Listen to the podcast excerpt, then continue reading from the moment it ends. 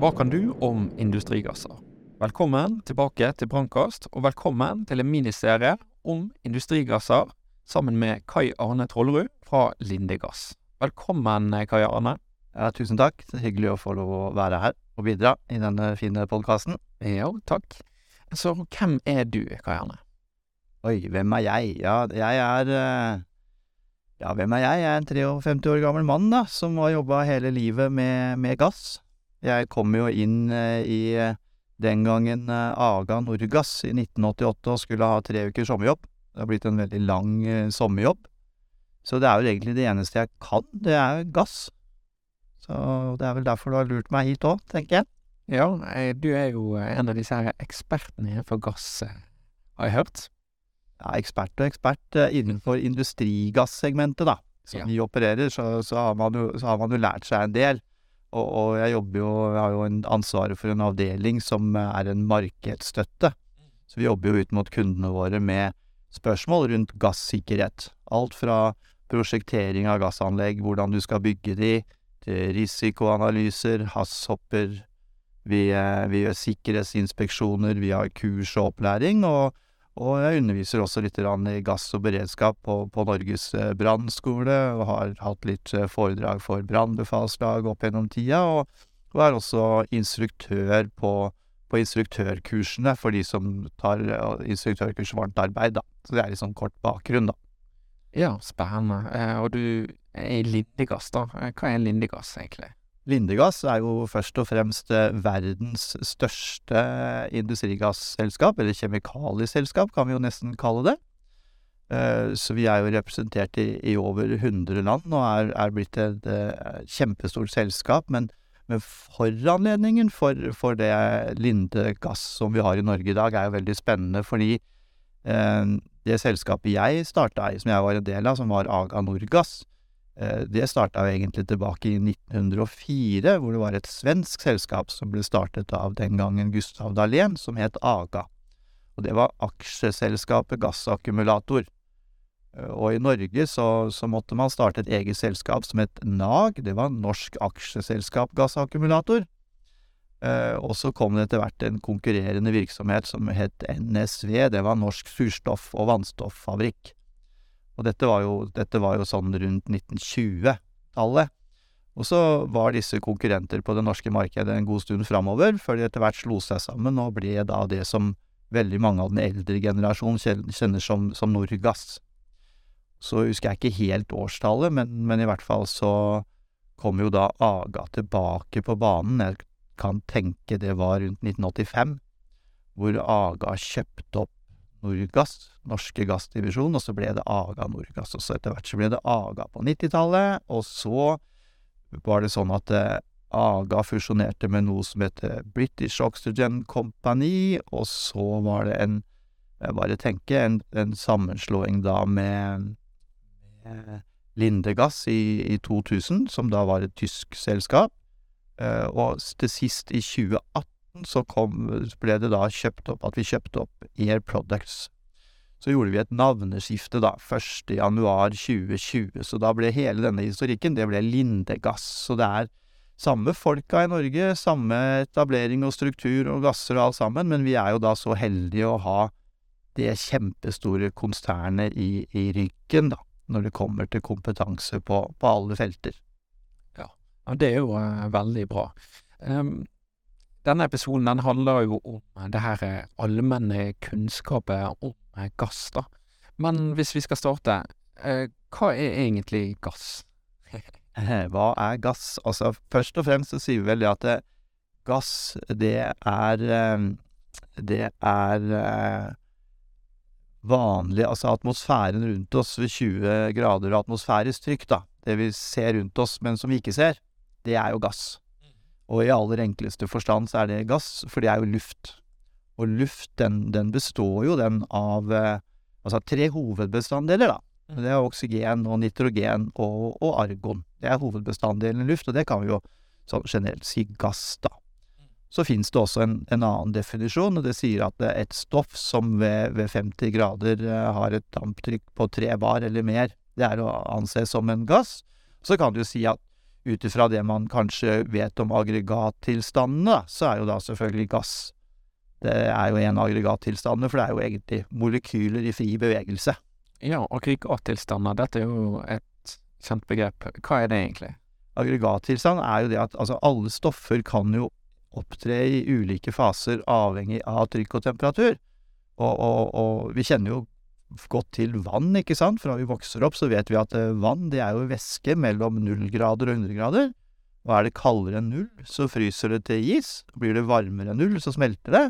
Så er det jo også sånn at hvis du koker det opp til 100 grader, så lenge det er ved havoverflata, så blir det jo damp. Eller gass, da, som vi sier. Ja, spennende. Eh, og vi, vi snakker jo gjerne om mange forskjellige typer gasser. Eh, altså, nå er det kanskje et litt vanskelig spørsmål, men hva type gasser har vi, eller hvordan deler vi disse inn? Ja, ut ifra et beredskapsståsted, da, Mm. så, så, så snakker man jo gjerne da om, eh, om brennbare gasser, giftige gasser, eh, inerte gasser. Så kan du si eh, dypkjølte gasser, eller kryogene gasser, da. Ja, kryogene, hva vil det si? Så, kryos er gresk og betyr sterk kulde. Ja, det er jo gasser som er i væskefase, som er veldig kalde. De har gjerne da dets koke, såkalt kokepunktstemperatur, som er på minus Avhengig av definisjon, da, men si minus 110 grader og nedover, da. Helt ned til, eh, helt ned til da helium, og, som vil være 269 minusgrader kaldt i væskefase, da. Så er det jo sånn, det kommer vi kanskje litt inn på, men altså kokepunktstemperaturen, den oppgis jo alltid ved et referansetrykk. Så man kan jo se for seg at man hadde hatt en gass i væskefase, som man heller ut på bakken, ute, typisk lekkasje på et skadested. Da har man jo, da har man jo atmosfærisk trykk, og den temperaturen som er på den væska, som er en gass i vårt tilfelle, da, det er jo da kokepunktstemperaturen.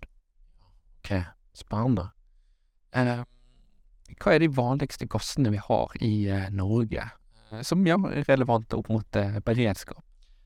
tenker, sånn fra min tid i brannvesenet, så, så var det jo sånn at eh, når det ble melding om brann i bygning Ikke det at det er så ofte, heldigvis, men, men når det er, så, så er det liksom en av tingene man skal ha i bakhodet som en del av risikoløringa på vei ut. Det er det at gassflasker i dag, det finnes stort sett overalt i bygg. Og man kan jo bare tenke seg som privatperson om man kanskje selv har en propanflaske stående ute på verandaen eller i kjøkkenskapet. Eh, På hytta har man det gjerne i forbindelse med kjøleskap eller oppvarming. Man har det på campingvogna Så det er liksom Propan er jo en typisk gassflaske som står overalt. Så har man kanskje da, eh, sånn som undertegnede som bor på et småbruk, da, som har et eget gårdsverksted. Så det er en sånn typisk case hvor du da har en oksygenflaske, en astylenflaske, en propanflaske, kanskje en argon til sveising. Dette er jo de samme gassene som du gjerne finner igjen på, på verksteder innafor industrien, ikke sant, eh, rundt om. Eh, Hva har de i industrien? hva sier du? Hva, hva har de i eh, industrien, da? Nei, altså, hvilke typer industrier? Ja, nei, eh, hvilk, eh, hvilke gasser Gasser? har man i Ja, Ja, hvilke gasser har man innenfor verkstedindustrien, da, for Mm. eksempel, da. Så, så er jo det typisk da oksygen og, og mm, en brenngass. Ja. Propan eller acetylen. Det er det vanligste, for det bruker du i prosesser til å varme og skjære og sånne type Mm. ting. Og så er det jo eh, argon, eller argon blanda med ulike mengder av karbondioksid, eller andre gasser, da, som skal gi ekstra fordeler med sveise- og skjæreprosesser. Eh, og til sist så er det nitrogen, gjerne, som man, eh, som man bruker til eh, litt trykkprøving eller tørking eller den type ting, da. Som er typisk sånn for verkstedindustrien. For det er jo veldig spennende, altså det med, med verkstedindustri, fordi at eh, før så kan man si at man, man bearbeida svarte materialer og hvite materialer. Nå er det blitt sånn at eh, det er så veldig mye, kall det avanserte materialer innenfor metallurgi. Man har liksom eh, hardox og veldox, man snakker om austenittisk og superaustenittisk, ferittisk. Alt dette her krever eh, ikke minst spisskompetanse hos, hos de som produserer, men også at vi som gassleverandør kan, kan gi kunden en, en, gass som gir ekstra fordeler, da. Det, men, men summa summarum så er det ofte blandinger av inerte gasser, da, som er disse sveisegassene. Er det noen andre typer virksomheter som har forskjellige typer gasser? Absolutt, absolutt. Vi, vi deler jo liksom opp eh, våre kunder i segmenter, da. Så foruten verkstedindustrien så har vi jo eh, fiskeoppdrett. Fiskeoppdrett eh, bruker jo veldig mye oksygen for at fisken skal vokse og ha det bra i karet, for det er jo veldig mye fisk samla i et kar. Oh, ja. og, og, de ville jo dødd eh, hvis ikke de hadde fått tilgang på nok oksygen. Så da er det kontinuerlig oksygenering ut i ut i den mæra, da, som de kaller det. Så, så har vi da eh, matvareindustrien. Mm. Når vi drar og handler i, i matbutikken, så, så, veldig mye av den maten vi kjøper, den er jo pakka i såkalt modifisert atmosfære. Så at man tilsetter blandinger gjerne av karbondioksid og nitrogen, som jo er inerte gasser.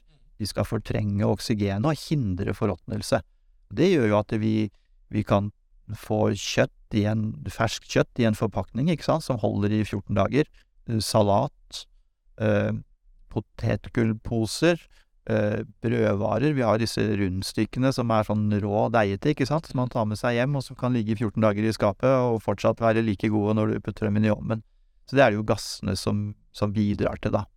Så det er også et segment. Og så, så har vi spesialgasser.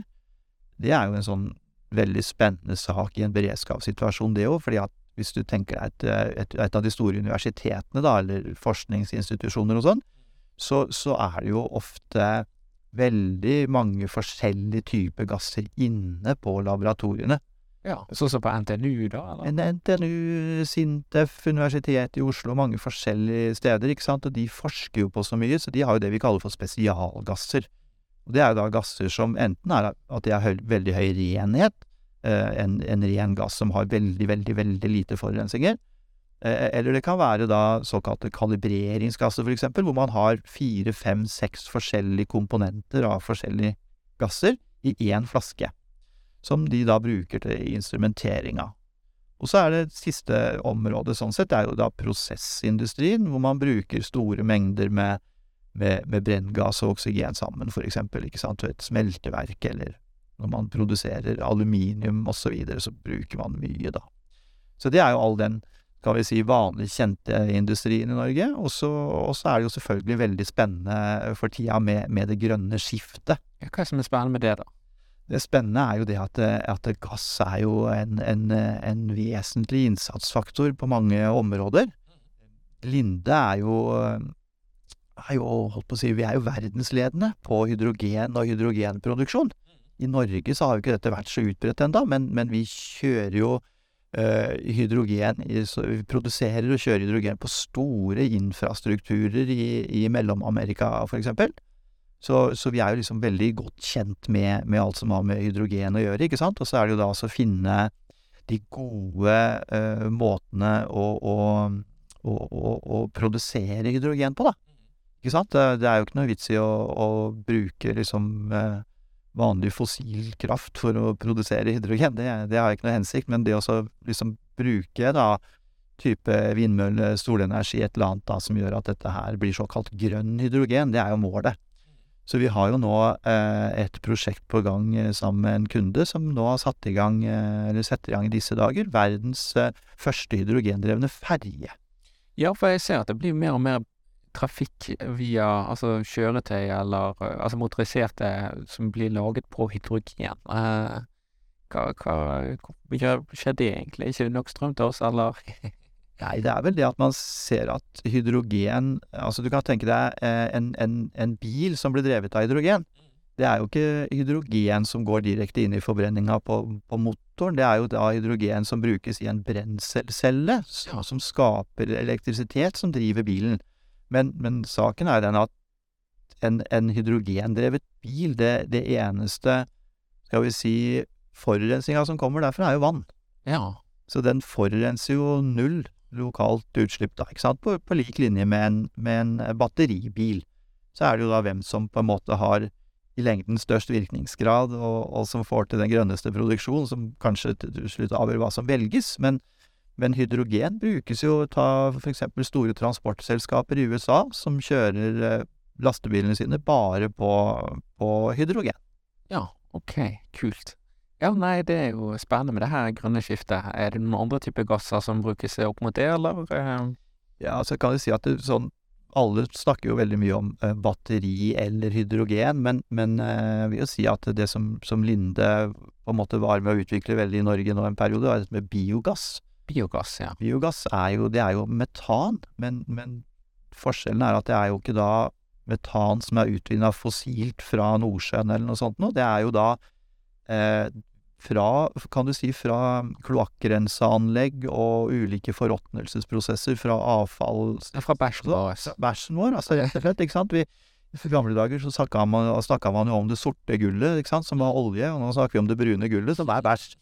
Men da, da samler vi rett og slett opp avfallsgassene, da, ikke sant, og renser ut det som er metanet. Så istedenfor at det drar ut i atmosfæren og, og bidrar til økt CO2-mengde osv., så, videre, så så blir det forbrent i en, eh, en bilmotor, og, og som da eh, genererer så å si ikke noe utslipp, det heller. Så per i dag er nok det kanskje den mest bærekraftige, eh, skal vi si, energikilden for, for biltrafikk, i hvert fall. Og alle de store byene så er jo dette her, altså busser og, og søppelbiler og sånn går jo på det nå, men, Mm. men det er jo ikke tilgjengelig nok gass til at alle privatbiler kunne ha gått på det. Ja. Det er jo liksom det. men det er jo en del av utviklinga av det òg, da, som igjen går så dette grønne skiftet, da, som er spennende. Ja, men det er veldig spennende. Og det er jo veldig spennende at eh, min bæsj kan eh, styre eller være med og frakte folk i Oslo og rundt. Ja, og at det da altså den, den energien du betaler for i butikken og dytter inn i kroppen, den kommer ut igjen, og så kan noen andre bruke den videre. Ja, men det er jo veldig bra. Um, men i og med at det er så mye forskjellige gasser, så kommer det også med en risiko. Altså, hva type risiko har vi rundt det her med forskjellige gasser? Ja, det er forskjellige typer eh, risiko, selvfølgelig, og, og, og avhengig av hvilken type gass og, og hvilken type beholder eh, den er inni. Men du kan si at kanskje noe av det, det Så du sa det veldig enkelt, da, hvis du har lekkasje av en gass, så selvfølgelig avhengig av egenskapen til gassen og mengden eh, gass som slipper ut, altså størrelsen på utslipp osv., så, videre, så så er jo selvfølgelig det en, en vesentlig faktor, altså gasslekkasje og hvor det blir av. Og så er det jo dette med som jeg sa i stad, med, med brann, da. Hvis det er bekrefta brann, altså varmepåvirkning av en beholder, at den da til slutt vil, vil kunne revne, da.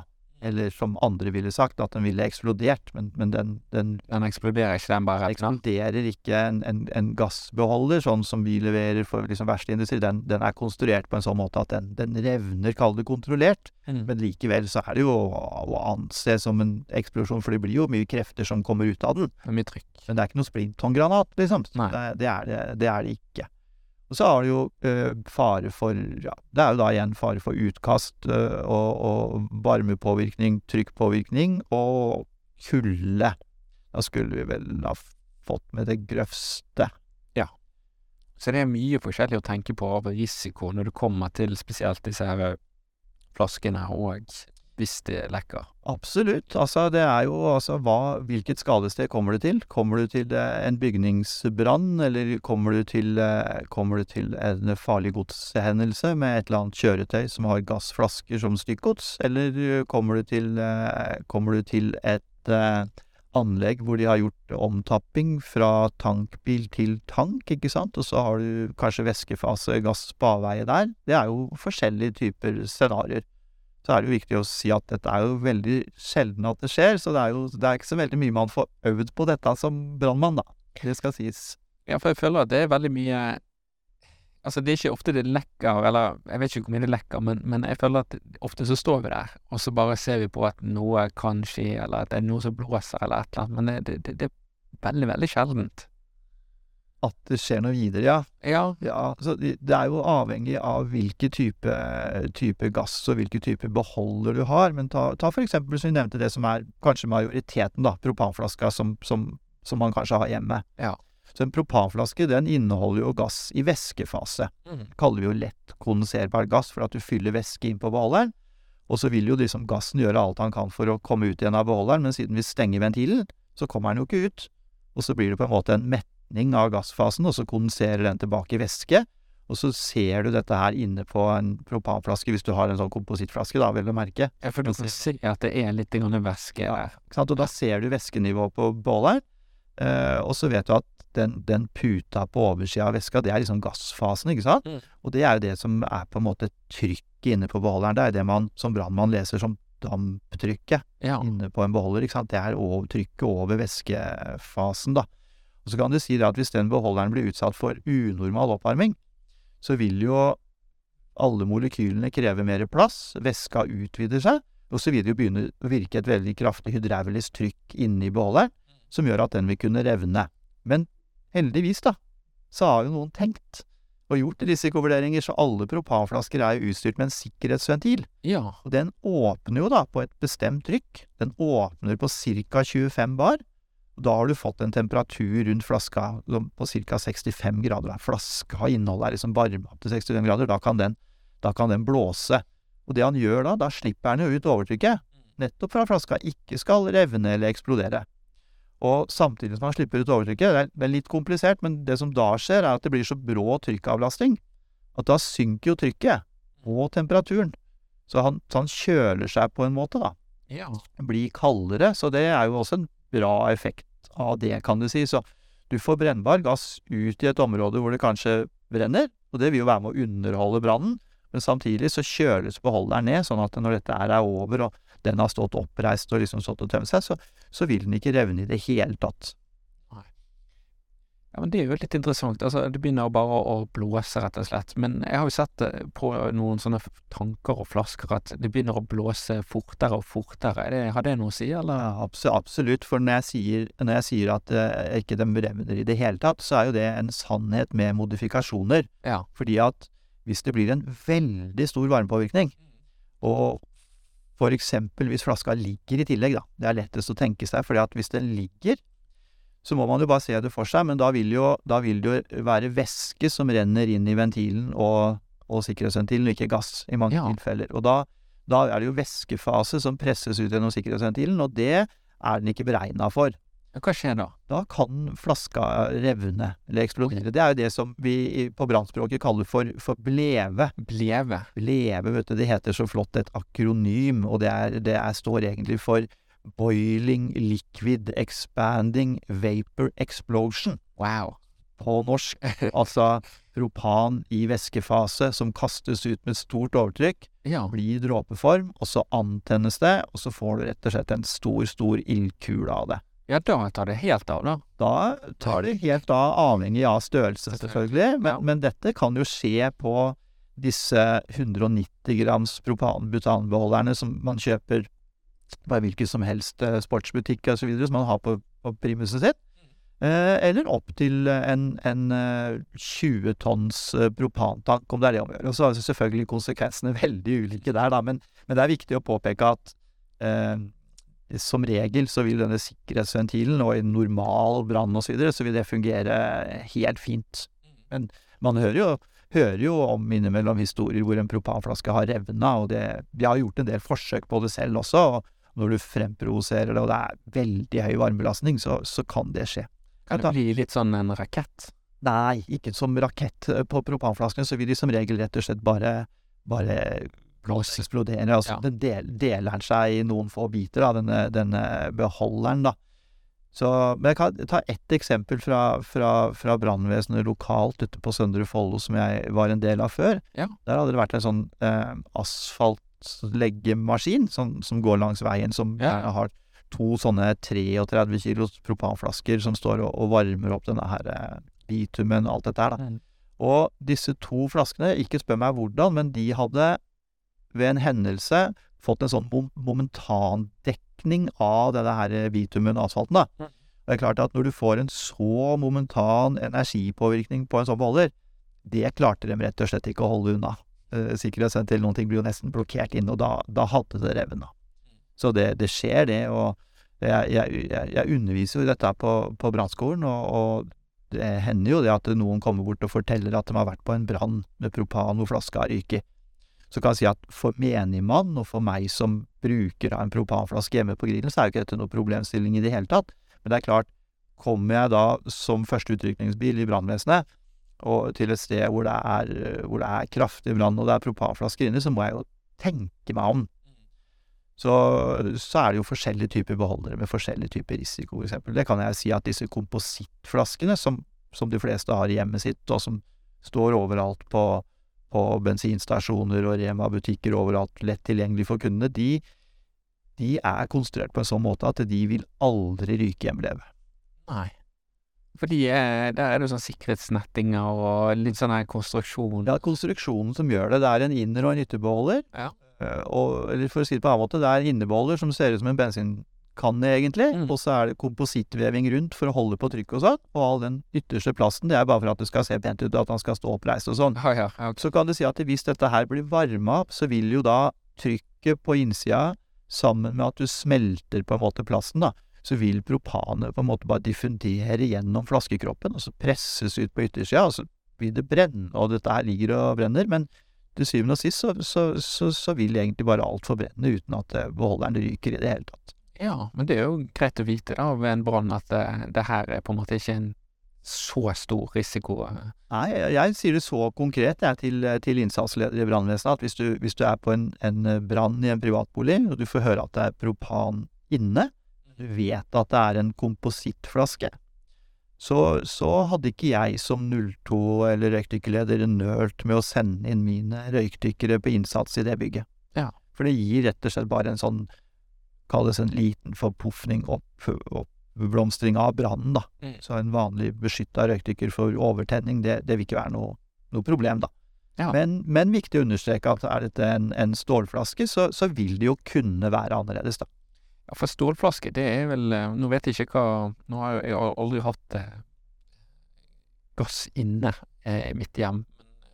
Hva er det som er mest vanlig? Er det kompositt, eller er det stål det går i? For, for vanlige forbrukere nå, så er det kompositt. Ja, ok. Det er det. Litt sånn du går og kjøper på X, for eksempel Plantasjen, da. Ja. Ja. Absolutt. Det er det, det er det vanligste. Det er mest innenfor industrien nå at man, at man beholder stål, fordi er- fordelen med stål er jo at den flaska har en annen varmeledningsevne, da, som gjør at du kan få ut mer propan per tidsenhet enn det du gjør på en komposittflaske, da.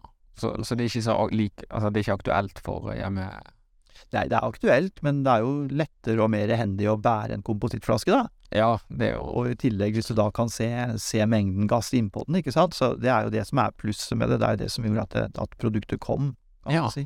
Og nå har, nå har man jo også faktisk utvikla en, en ny type flaske. Det kommer jo mer og mer sånne nye, kule ting, ikke sant, med sånne gadgets med, med, med med manometer og sånt, ja, altså at du kan knytte det opp mot, eh, mot en app, for eksempel. Da, Du kan se hvor mye, propan du har inn på flaska og sånn, da, ikke sant. Så dette kommer jo nå i framover, da, ikke sant. Så Fancy. kule greier, ja. Men eh, eh, man, man har jo disse her eh, forskjellige eh, gassene i hjemmet, for eksempel, eller i industrier. Er det merking som viser kan liksom Her er det Dette er den gassen, eller? Nei, altså, når det kommer til merking for skilting, altså. ja. altså, i, i, i private hjem, da, så, så er det ikke noe krav til merking at du har en propanbolle der. Men, eh, men det er klart, så fort du beveger deg over i, i industri og næring, Mm. Så er det jo internkontrollforskriften som gjelder, med alle tilhørende lover og forskrifter, og da er jo, da er jo eh, først og fremst farlig stoff-forskriftens paragraf 11 som er tydelig på det at du skal jo ha en tilstrekkelig merking for det farlige stoffet. Så da skal man jo ha gass under trykk og brannfare og hvis dette er kobla på et større anlegg, ikke sant, med EX-fare, altså eksplosjonsfare og sånne ting. Så det skal være tydelig, da. Men ja. du vil ikke se det hjemme om det plutselig. Men så er ikke det så stort problem heller, da. Nei da. Så ja, men det er nå greit å vite. Litt av det her med gass eh, Jeg har jo merket at det lukter. Noe gass lukter. Kan du fortelle litt om det? Noe gass lukter, noe gass lukter ikke, og noe lukter naturlig, og noe er tilsatt. Ja. Så, så du kan si at eh, Ta propan, for eksempel. Da. Ja. Når propan er produsert, så, så lukter det i utgangspunktet ingenting. Men, men der er det jo klare føringer fra myndighetene i dette landet her, ikke sant, at all propan som selges kommersielt, skal være lukttilsatt. Ja. Som en ekstra sikkerhet for at du skal merke at den er på avveie. Og det er jo, det er jo veldig bra. Så kan du si det sånn at i forhold til bruksområdet til disse gassene, så vil det i veldig mange tilfeller være helt umulig å, å lukttilsette. For det ødelegger jo for hele applikasjonen og bruken. For at i hovedsak så er denne, denne lukttilsetningen, det er ulike svovelforbindelser. Og, og svovel kan jo virke negativt, eh, kan du si, på prosessen, da. Så kan du ta et annet eksempel, er jo oksygen. Hvis du tar et dypt åndedrag, Eivind, liksom, og du, gjennom nesa, så, så kan du si at du kjenner jo ikke at det er oksygen der. Du vet jo at det er det, for vi sitter jo her og puster og har det bra. Men, eh, men så kommer vi litt inn på senere, men, men oksygen kan jo være litt sånn utfordrende med hensyn på, til brannteori, da. Og da, da har vi da et produkt som eh, vi kaller det Odorox, da, men det er altså Du tilsetter lukt til oksygenet, Mm. sånn at du skal, skal kjenne at det er en lekkasje der, hvis, hvis du skulle få det. Og, og det fungerer kjempefint innenfor vanlig industri med, med skjæring og varming og lodding og sånn. Og så igjen er det noen applikasjoner, noe som lasermaskiner, plasmamaskiner og sånn, de er ikke noe glad i den type oksygen, for det vil jo ødelegge utrustninga. Ja. Og så kan man jo tenke seg fiskeoppdrettsbransjen, ikke sant, som er storforbrukere av oksygen. De kan ikke ha lukttilsetning, for hvis du tilsetter svovel i oksygenet som skal sørge for at fisken har det bra, så tror jeg ikke fisken hadde fått det så bra. Så pleier jeg å tulle litt og si at ja, det, er veldig synd, da, for hadde hvis fisken hadde pusta liksom med lukttilsatt oksygen, så hadde vi hatt ferdig rakfisk, ikke sant. Ja, ja. Det- går ikke, da. Og så, og så har du siste gruppa, det er jo da egentlig mest eh, giftgasser, da. Eh, type hydrogensulfid, svoveldioksid, klor, ammoniakk. De lukter jo gjerne veldig karakteristisk. Ja. Det, det gjør de. Og det siste er vel egentlig sånn som acetylen. Acetylen er jo en ganske utbredt brenngass, eh, som har eksistert i, i over 100 år, og som aldri går av moten, for det er den beste brenngassen til de fleste applikasjoner. Og, og den lukter jo litt sånn hvitløkaktig. Hvitløk. Ja. Det er ikke så galt, det. Nei da, det er ikke så gærent, men det er, det er ikke en lukt du ønsker å stå i, for da har du en lekkasje. Ja da. Men jeg har jo vært eh, steder der det lukter skikkelig egg. Hva er det? Nei, det, det egg er, det er vel det første jeg tenker når du sier egg, det er, det er H2S, eller hydrogensulfid, da. Ja.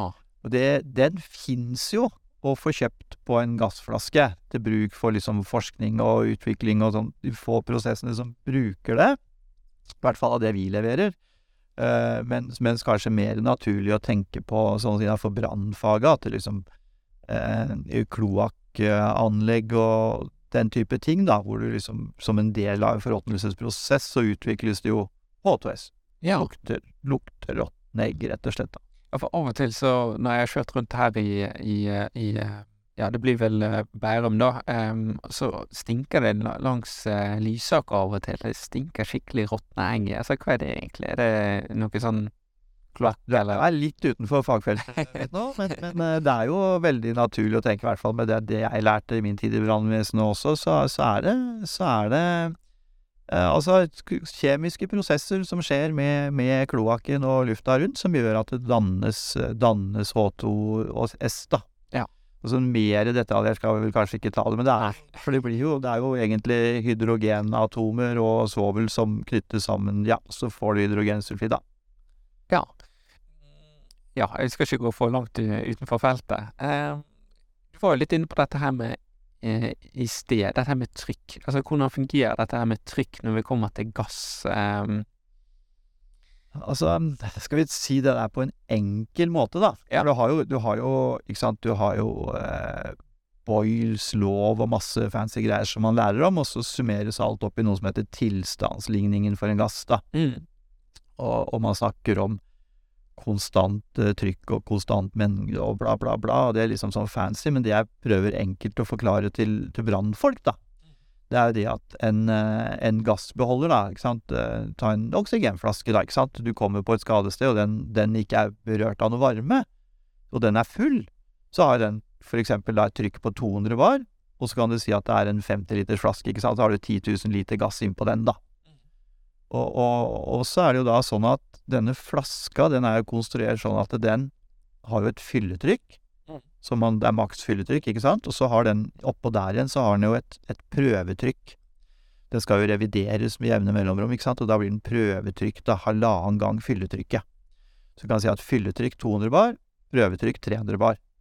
Men i tillegg, som en ekstra sikkerhetsbarriere, så er det jo flaska konstruert til å tåle halvannen gang prøvetrykk igjen.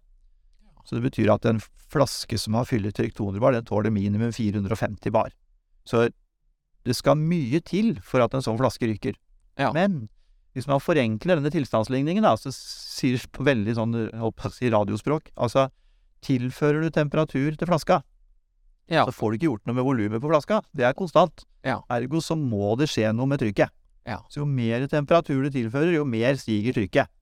Og på disse høytrykks industriflaskene så er det jo ikke noe trykkavlasting, sånn som en sikkerhetsventil som er på propan. Mm. Gassfaseflasker som har komprimert gass, har ikke det. Så de vil, hvis det blir varmt nok, så vil de revne. Og det skjer ved sånn, vi har en sånn tommelfingerregel. Det er ikke noe absolutt fasit, men en flaske som er frisk og sunn og går i vanlig sirkulasjon, den, den tåler ca. 350 grader hvis den er helt full. Og det er, det er en bra ting å tenke på hvis du er på en bygningsbrann, og du har fått identifisert flaskene. Det er jo en utfordring kanskje i seg selv, liksom, men du vet at dette er industri-høytrykksflasker, oksygen, argon, nitrogen, så tåler de 350 grader. Da kan man jo se på brannforløpet. Eh, hvor ligger nøytralsjiktet i bygget, for eksempel, ikke sant? Eh, ligger det høyt oppunder taket, eller begynner det å nærme seg høyden hvor flasken er, ikke sant? Hva er temperaturen på der hvor flasken er, da? Mm. Og så kan man liksom kanskje tenke seg at ja, det er ikke mer enn 100 grader i inne, da kan vi gå og plukke dem ut. Så lenge vi vet at det er de gassene, da. Og så er flaska konstruert sånn at han er tjukkest i toppen og i bånn. Så er den på det tynneste på midten, og det er fordi at hvis trykket skulle bli så høyt, temperaturen skulle gå over disse ca. 350 gradene, så vil den revne. Da ble, ble vi Nei, da har du ikke noe bleve, for da har du inerte gasser, så det er bare det at det trykket gjør at han revner. Ja, ok. Så, og så kan jeg si at avhengig av hva som er inne på flaska, om det er brennbar gass, oksiderende gass eller inert gass, da, Mm. Så kan man tenke seg at en typisk hydrogen, da, Mm. når den gassen slipper ut, så vil jo selvfølgelig den reagere med lufta i omgivelsene, og så vil jo det bli en veldig heftig forbrenning av det. Det så kan du si at det var oksygen Oksygen er jo ikke noe brennbar gass, men den vil jo binde seg til alle branngassene som er der ute, og så vil du også få en heftig forbrenning av de. Vi har jo ikke hatt nok oksygen i utgangspunktet, så kommer den, og så blir jo det kjempeheftig. Mens hvis du da revner en flaske, og det er argon eller nitrogen, så er jo det inerte gasser, så den vil jo ikke på en måte reagere med omgivelsene der ute i det hele tatt, så der er det mer bare den Jeg sier bare, men da er det bare den trykkbølgen, da.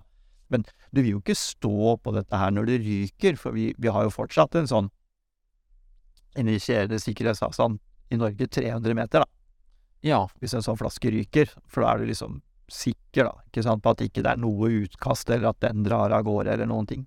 De sikkerhetsavstandene, det er jo litt sånn vanskelig, fordi noe gass, sant, hvis du får en lekkasje eller det blir eh, Ja, altså, det utvikler seg, da, er noe eh, Så vil jo de egentlig bare bevege seg Altså, ja, hvordan er det med hvordan gassene beveger seg? For noen kan jo gå opp, og noen kan gå ned. Og noen er jo ekstremt lette, at de bare flyr rett i taket. Ja, nå er, nå er du inne på det som, eh, som står så veldig fint i disse tabellene, ikke sant. Eh, densitet, eller tetthet, da, ikke sant. Og det er jo, det er jo de ulike gassenes eh, relative vekt i forhold til lufta. Mm. Så det er liksom veldig enkelt tenkt at det er hvor, hvor mye veier denne gassen når han kommer ut, sammenligna med den lufta som er der ute allerede. Og dette er jo temperaturavhengig. Ja. Ta det først, da, ikke sant. Hvis du har en gitt mengde gass som lekker ut i et område, og det er eksempel ti grader, da, så vil jo disse gassmolekylene ha jo en bestemt avstand seg imellom, for å si det sånn. Og, og jo varmere det blir, jo større blir jo den avstanden, ikke sant. Og da kan man jo tenke seg at innafor et bestemt areal, så blir det færre molekyler, og da blir jo gassen lettere. Og omvendt, hvis du kjøler dette her ned, så blir jo molekylene nærmere hverandre, ikke sant. Og tettere og tettere, tettheten øker, og så blir jo gassen tyngre. Så, så det er viktig å huske på når man går inn og leser i litteraturen eller i, et eller annet datablad, eller uh, hva man gjør da, i en app, ikke sant, på et skadested, at tettheten på gassen varierer med temperaturen, da, men, men enkelt forklart, da, i forhold til vanlig sånn 10-15-20 grader, ikke sant, Mm. så, så kan du si da, at sånn, den letteste gassen vi har, det er jo hydrogen. Og i forhold til luft så er den 0,07 i tetthet. Det betyr jo at den drar jo rett opp. Så er heliumen, da, den er dobbelt så tung. Og alle som har sluppet en heliumballong, skjønner jo at dette her er veldig, veldig lett, og det drar rett opp.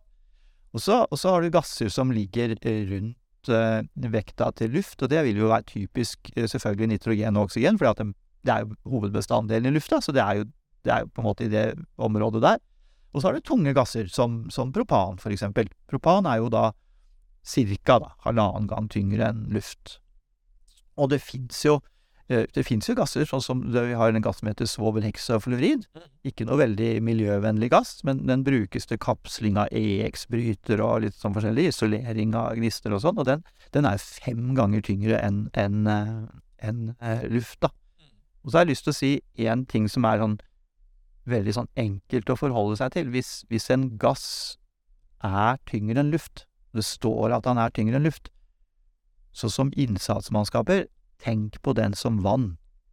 Tenk okay. at den renner bortover bakken, selv om ikke du ser den. Så renner den bortover bakken, og renner ned i grøfter og kummer og kjellere og nedre avsatser osv. Og, og, og der ligger den og, og, og, koser seg lenge. Og avhengig av hvilken type egenskap den gassen har, så er det ulike farer. Så det må dere være litt sånn bevisst på, da, ikke sant. Ja, hva type gasser er det som er tyngre enn luft, og er det noe Altså, kan disse være Propan, ja. Propan er jo den, egentlig den mest vanlige typiske, ikke sant? Ja. Uh, av de, kan du si, av de, av de, farlige som det er mengder av, da. Ja. Du kommer til tankanlegg, for eksempel, ikke sant, og det skulle gå rørbrudd på en stor propantank, og du har 20 tonn med propan ut, ikke sant, så dette her vil jo spre seg veldig, veldig langt utover. Mm. Så kan du tenke deg det motsatte, da. En, en hydrogentank, hvor den ryker. Uh, så vil jo all gassen bare dra rett opp. Ja. Ikke sant? Så det vil jo være forskjellige sikkerhetsavstander man må sette og ta hensyn til i forhold til en hydrogen- eller en, en propanlekkasje, da. Så for eksempel den hydrogeneksplosjonen i Sandvika, så bare gikk alt rett opp? Nei, altså der var jo Jeg kjenner ikke detaljene rundt den saken der, men altså der var det vel da Altså der må det jo ha vært sånn at eh, gassen har vært innestengt i konteineren, ja.